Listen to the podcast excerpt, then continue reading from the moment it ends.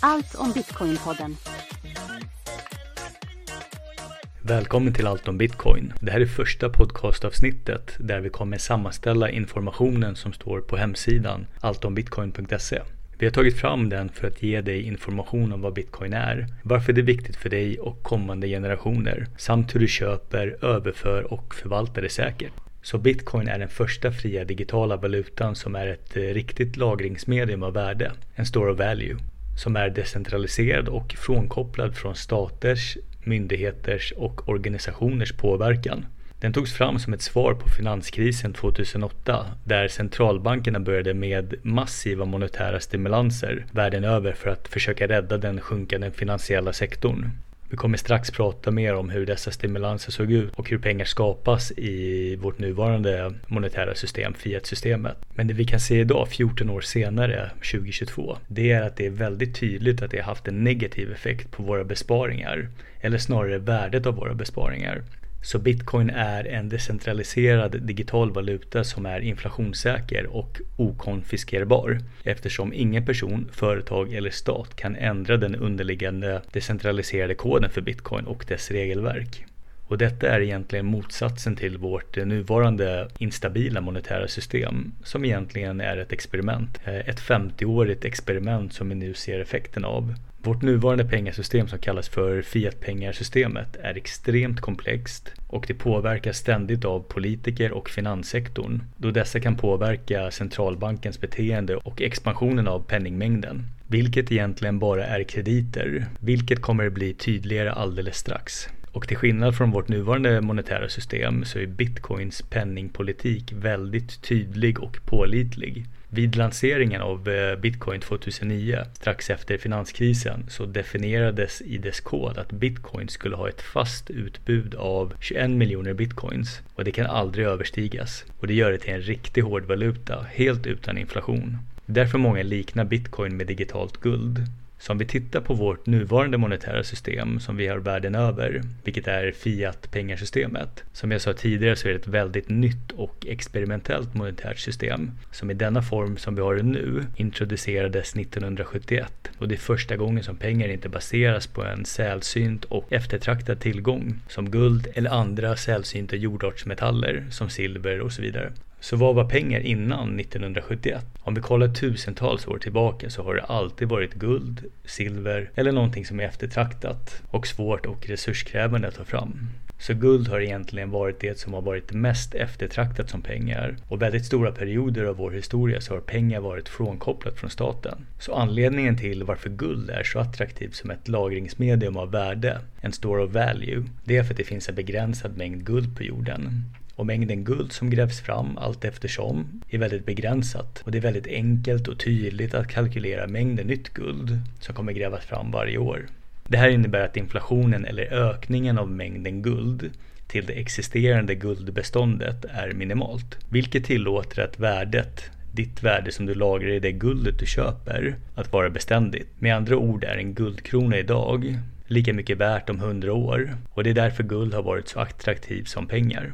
På 1800-talet så följde guldstandarden och guldmyntfoten där länders valutors värde kopplades till guld som en underliggande tillgång och detta gav sedlar och mynt en status av verklig hårdvaluta med ett långsiktigt lagringsvärde. Den här guldstandarden kopplad till länders valutor kunde också manipuleras genom att valutamängden expanderades mer än vad som fysiskt fanns tillgängligt i den underliggande guldtillgången och kunde därmed inte backas upp till fullo och då fanns risken att tilltron till det landets valuta tappades och därmed även dess värde. Men det var väldigt ovanligt att detta skedde och detta system var fortfarande ett väldigt mycket bättre alternativ än det systemet vi har idag. Där det vi kallar pengar egentligen inte har något underliggande värde överhuvudtaget och det kan tryckas i oändlighet.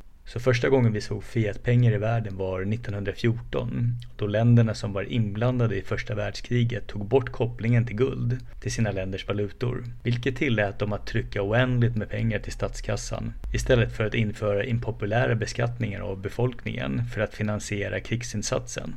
Det här blev starten av årtionden av massiv inflation, återkommande recessioner, depressionen samt slutet av flera år av sunda pengar i form av guldstandarden som vi hade tidigare.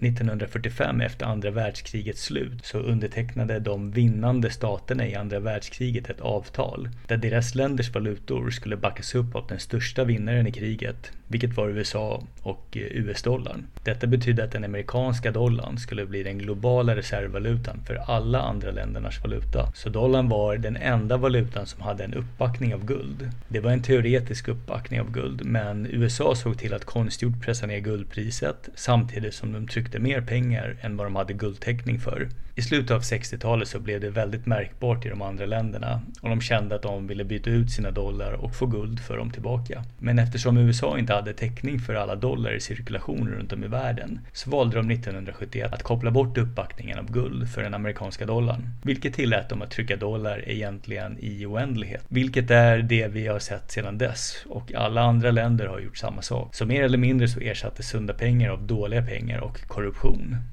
Så om ni går in på alltombitcoin.se så kan ni se en graf där man kan se hur mycket den amerikanska dollarn har förlorat i köpkraft sedan Fiat-systemet introducerades 1914. Det är någonstans i runda svängar runt 25 gånger som den har tappat i köpkraft sedan introduktionen. Den största förlusten av köpkraft har just skett efter finanskrisen 2008 då världens centralbanker, framförallt USAs Federal Reserve, den europeiska centralbanken ECB, men även Sverige har startat något som heter kvantitativa lättnader, vilket innebär att de massivt och i större utsträckning än någonsin tidigare expanderar mängden baspengar tillgängliga för banker att skapa ännu mer pengar av i form av krediter.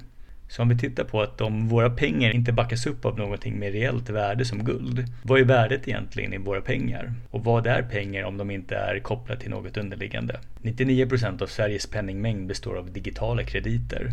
Så när pengar skapas i vårt system så är det i form av krediter, det är lån. Pengarna på ditt bankkonto det är krediter skapat av en bank som baserat dessa krediter på banktillgångar eller pengar som också är krediter. Som i sin tur är baserade på andra banktillgångar eller pengar som också är krediter. Och i grunden till alla de här krediterna så har vi Riksbankens baspengar som de också skapat när de köpt obligationer från staten. Så vad är dessa obligationer? Dessa obligationer är skuldbrev skapade av staten. Så allting är baserat på skuld. Krediter skapade på krediter skapade på obligationer. Och för att hålla det här systemet i liv så krävs det konstant utökning av kreditsystemet. För att till exempel betala tillbaka räntan på de redan skapade krediterna som måste skapas med krediter för att betala tillbaka räntan på de här uttagna krediterna. Så det blir krediter på krediter på krediter. Du hör ju, det här systemet är helt galet. Den här skuldballongen den måste bara fortsätta blåsas upp och blåsas upp för att upprätthållas. Nu har vi kommit till ett läge då den är på väg att spricka den här ballongen. Det här experimentet som heter Fiat-pengasystemet, den har nått sitt slut här. Men som tur är så har vi de senaste 13 åren haft ett alternativ som har dykt upp som ett lagringsmedium av värde som är till för folket. Det är av folket för folket. Det styrs inte av någon stat, myndighet eller organisation. Och den har ett väldigt enkelt och tydligt regelverk som gör att alla transaktioner är spårbara och den har en begränsad mängd valuta utan inflation av dess mängd. En riktig hårdvaluta som tillåter att pengarna du sparar idag i form av bitcoin kommer behålla sitt värde långsiktigt och med största sannolikhet kommer de även öka i värde desto fler som börjar använda det. Bitcoin har ökat sitt värde i snitt med 93% årligen mot den amerikanska dollarn. Vårt nuvarande monetära system, Fiat-systemet, är den totala motsatsen. Om du tar 100 kronor idag, lägger dem i din bank, hur mycket kommer du om 10 år kunna köpa för 100 kronor? Det kommer inte vara mycket i alla fall. Men lägger du dina 100 kronor idag i bitcoin så kommer de med samma utveckling som bitcoin har haft de senaste 14 åren så kommer de garanterat bibehålla sitt värde och med största sannolikhet så kommer de vara värda väldigt mycket mer. Utöver inflationsproblemet som fiatpengasystemet skapar så tillåter även centraliseringen av fiatpengar stöld av folkets besparingar direkt genom beslag av bankkonton utan rättsprocess många gånger. Framförallt i utvecklingsländer och i länder som saknar rättssäkerhet. Men vi ser även nu sedan 2020 framförallt att många så kallade rättssäkra stater börjar nagga på sina rättssäkerhetsprinciper. Vi kan ta några exempel som vi har på vår hemsida alltombitcoin.se där bankkonton har frysts och bank och betaltransaktioner har blockerats för vissa personer och organisationer. Ett exempel är 2010 då medieorganisationen Wikileaks och grundaren Julian Assange blev blockerade av alla stora banker och betalkortföretagen Visa, Mastercard och Paypal blockerade deras möjlighet till transaktioner och möjligheten att ha konton hos dem. Vi såg även 2013 i Cypern i vågen av finanskrisen då EU valde att beslagta 10% av alla cypriotiska medborgares bankinsättningar. 2022 så frös kanadensiska staten bankkonton för deltagare i Freedom Convoy 2022 och alla de som stödde den manifestationen. Och detta gjorde staten utan rättsprocess. Dessutom så konfiskerade GoFundMe-företaget donerade pengar till deltagarna i samma aktion, helt utan rättsprocess. Det här är bara några exempel av manipuleringen av rättssäkerheten som allt oftare sker i västvärlden. Möjligheten att ha fri tillgång till dina tillgångar och att kunna nyttja dina tillgångar fritt oavsett vad du har för värderingar är hotat. Men tittar vi utanför västvärlden i utvecklingsländer och liknande så är detta beteende extremt vanligt. Detta är om du har ett bankkonto till att börja med i utvecklingsländerna, då detta inte är en självklarhet, vilket vi ser om vi tittar på lite statistik i frågan. Hur många är det som har tillgång till ett bankkonto världen över? Det är ungefär 30-40% av världens vuxna population som inte har tillgång till bankkonton och möjlighet till banktransaktioner. När det gäller kvinnor så är det över 50% av världens vuxna kvinnor som inte har tillgång till bankkonto. Så bitcoin tillåter alla att få möjlighet till snabba transaktioner, internationella transaktioner till väldigt låga eller inga avgifter alls. Utöver det så tillåter även folk att lagra sitt värde eller sina besparingar i ett långsiktigt sparande som de aldrig haft tillgång till tidigare. Fritt från risk för beslag av stater, myndigheter och kriminella, då gränserna mellan dessa allt mer suddas ut även i väst. Så om vi tittar lite grann på tekniken bakom bitcoin så bygger den på något som heter öppen källkod, open source. Detta är en decentraliserad modell för programutveckling som uppmuntrar öppet samarbete där ingen central organisation eller stat kan påverka dess utveckling. Så de här programmerarna de jobbar frivilligt utan betalning med att utveckla bitcoin och håller systemet stabilt. Så den viktigaste delen i bitcoin-koden är det som heter den krypterade blockkedjan, blockchain. Och det är en decentraliserad databas som är utspridd mellan tiotusentals datorer eller noder världen över som innehåller den här databasen som innehåller bitcoins huvudbok, även kallad ledger. Och denna ledger, denna huvudbok, den innehåller alla transaktioner som någonsin har utförts på bitcoin-nätverket. Så alla datorer på bitcoin-nätverket, de så kallade noderna, de har alla en distribuerad full kopia av den här databasen, eller huvudboken, av alla de här transaktionerna. Och de här noderna, datorerna, ser alla till att hålla den säker och okorrumperad. Vill ni se lite mer information om hur den här blockkedjan fungerar så skulle jag rekommendera att ni går in på vår hemsida alltombitcoin.se så kan ni se en bild med information om hur den funkar om ni vill gräva ner er i det. Så det fina med bitcoin det är att dina bitcoin lämnar aldrig den här blockkedjan. Vi säger att du har en kryptoplånbok eller en bitcoinplånbok på din telefon eller på din dator för att komma åt dina bitcoin. Det innebär inte att dina bitcoin fysiskt finns på din bitcoinplånbok på telefonen. Skulle du tappa din telefon med den här plånboken på så betyder det inte att du aldrig kommer kunna komma åt dina bitcoin. För de ligger fysiskt i den här huvudboken, Ledgen, utspritt över alla bitcoin-noder över hela världen. Så det du egentligen har på din kryptoplånbok, eller din bitcoin-plånbok, det är en krypteringsnyckel som ger dig tillgång till dina bitcoinadresser och dina bitcoin på den här blockkedjan. Så egentligen, så länge du har din krypteringsnyckel som består av en så kallad secret recovery phrase eller seed words som är 12 eller 24 stycken ord som du kan memorera eller skriva ner på ett papper. Så länge du har de här orden och krypteringsnycklarna tillgängliga så kan du alltid återskapa din bitcoin-plånbok på en telefon eller på din dator för att komma åt dina bitcoin.